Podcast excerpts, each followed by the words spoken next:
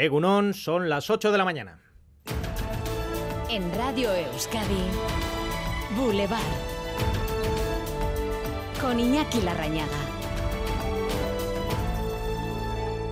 Martes 2 de enero, primer día laborable del año 2024 y la actividad todavía a medio gas hasta que pasen Reyes, pero muchos empiezan a retomar la rutina y eso se nota. Y la pregunta que hacemos a primera hora es ¿con qué estado de ánimo vuelven al Tajo? Laida Basurto. Pues en general con ganas, con ilusión y con esperanza de que el año laboral sea igual o mejor que el año pasado, aunque no esconden eso sí, ¿eh? que hoy ha costado después de pasárselo en grande, aunque hay quien no ha tenido fiesta estas Navidades, trabajadoras por ejemplo de residencias de ancianos que trabajaron incluso ayer y que están pensando ya en las vacaciones. Un día en cualquier caso para seguir diciendo Urte Berrión también en lo laboral. El que menos nos ha costado, más nos costó ayer. Yo estaba ahora pensando en las vacaciones de abril. Yo muy emocionada y con muchas ganas de, de tener un año pues mejor que el año pasado. Contenta, con muchas ganas.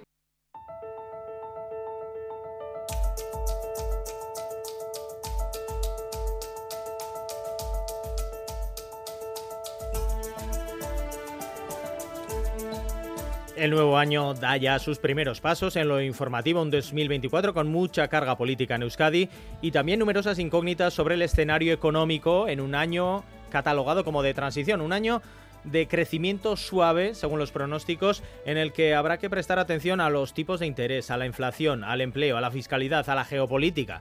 Esta mañana en Boulevard vamos a entrevistar a dos agentes importantes con una visión general privilegiada de la situación. En los estudios de Radio Euskadi van a estar el secretario general de Comisiones Obreras, Unai Sordo, y también el director general del SEA Empresas Alavesas, Juan Ugarte.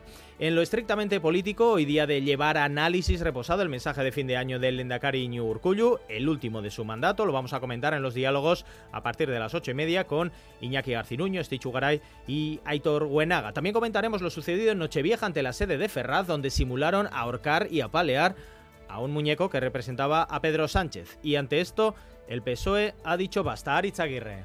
La Policía Nacional ha citado esta mañana a declarar al ciudadano anónimo que registró esa convocatoria, aunque detrás está la organización juvenil llamada Revuelta cercana a Vox. Y este grupo considera, lo ha dicho en redes, que el acto en el que se ahorcó, apaleó y destrozó un muñeco que representaba al presidente Pedro Sánchez transcurrió de manera festiva y normal. Lo retransmitieron en directo en YouTube. El PSOE estudia medidas legales ante un posible delito de odio.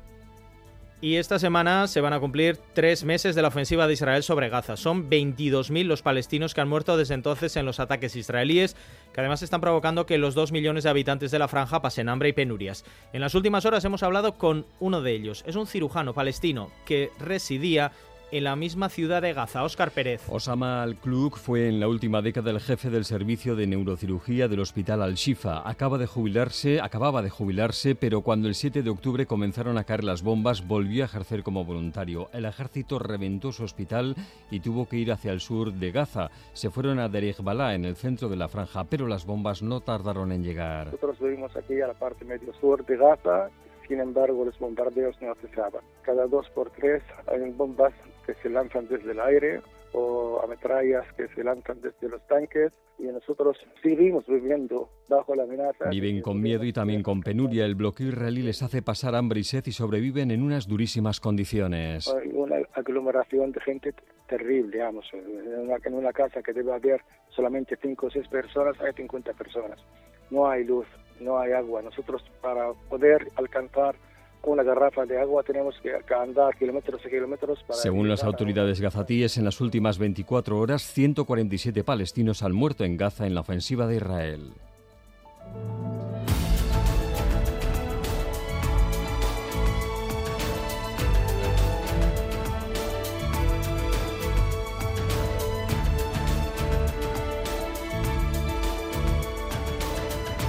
Y además la investigación continúa para esclarecer el origen del cohete que provocó el incendio en el bloque de viviendas de Rentería, Sierra Herrero. Los hechos sucedieron en Nochevieja, tras las uvas, cuando un tendedero comenzó a arder y calcinó una vivienda. Lo confirmaba la alcaldesa de la localidad, Aizpea Otaegi, en Euskadi Irratia. Etxebizitza barrura kanpotik sartu da. Hori ala dela esan dezakegu, etxe barruan momentu hartan ez zegoelako inor. Ez dakiguna da eta ikertzen ari direna da hori nondik e, etorri zan, ez? E, horren jatorria e, nongoa izan zan. Todos los vecinos han podido volver a sus casas menos los de la planta número 13, ya que la vivienda quedó inhabitable. Además, les contamos que el caso Rubiales encara su recta final con la declaración esta mañana de Jenny Hermoso. Se juzga al expresidente de la Federación Española de Fútbol por un presunto delito de agresión sexual y coacciones. Ella fue la que me subió en brazos y me acercó a su cuerpo. Y yo le dije, un piquito, y ella me dijo, vale. La futbolista ha reiterado en varias ocasiones que no fue un beso consentido y los peritos contratados por Luis Rubiales lo han corroborado. En la lectura de los labios de la futbolista no se lee que diera permiso.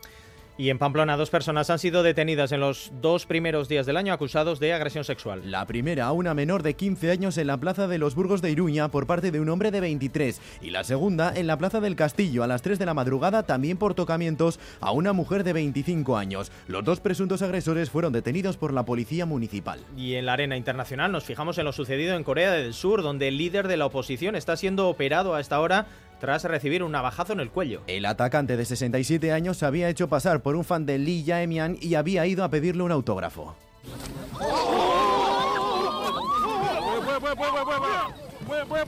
Según las primeras investigaciones, el hombre había comprado el cuchillo de 18 centímetros por internet. La policía le atribuye un intento de asesinato. Y en Japón continúa el recuento de víctimas tras el terremoto de ayer. Hasta el momento han fallecido 30 personas, aunque bajo los escombros se esconden al menos 120.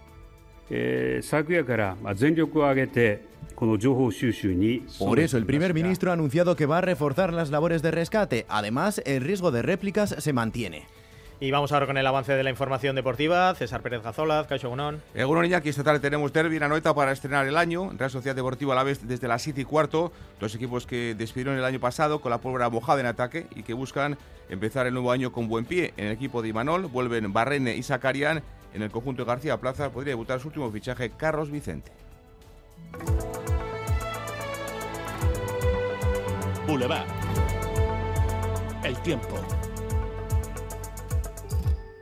Vamos con el pronóstico del tiempo de esta jornada de martes 2 de enero. Euskalmet, Nayera Barredo, Egunon. Egunon, hoy el protagonista será el viento de componente sur que soplará con intensidad durante buena parte del día, salvo en el sur de Álava y Navarra, donde no tendrá mucha fuerza. Debido a ello, las temperaturas a estas primeras horas son más suaves que ayer y las máximas también ascenderán, sobre todo en la mitad norte, donde superaremos ampliamente la barrera de los 15 grados. En la mitad sur, sin embargo, apenas alcanzaremos ese valor. En el cielo abundantes nubes medias y altas que puntualmente nos pueden dejar algo de lluvia, sobre todo a partir de la tarde, aunque sería poca cosa.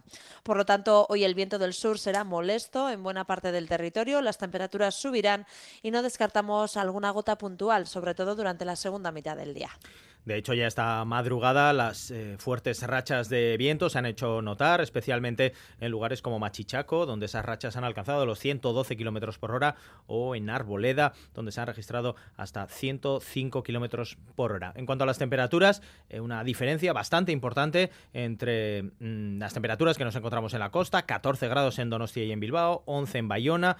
En el interior bajan hasta los 9 grados de temperatura en Vitoria-Gasteiz y apenas 4 grados en Pamplona. Y estas las temperaturas que nos mandan ustedes al WhatsApp al 688-840-840. Egunon, taurte berrión. Elgean, sortzi gradu, agur. Egunon, zornotzatik amabi gradu. Agur, ondo. Hola, buenos días. Desde Baracaldo, 13 grados y nublado. Que paséis buen martes. Agur. Es que ricasco a toda nuestra audiencia y hoy especialmente Urte Berrión también. Baritec expertos en eliminar todo tipo de varices en Bilbao, Donostia y Gasteiz, nos ofrece este espacio. 8 y 9 minutos de la mañana nos vamos a fijar ahora en la red de carreteras. Begoña de Ronsoro, ¿qué, ¿qué, problemas tenemos?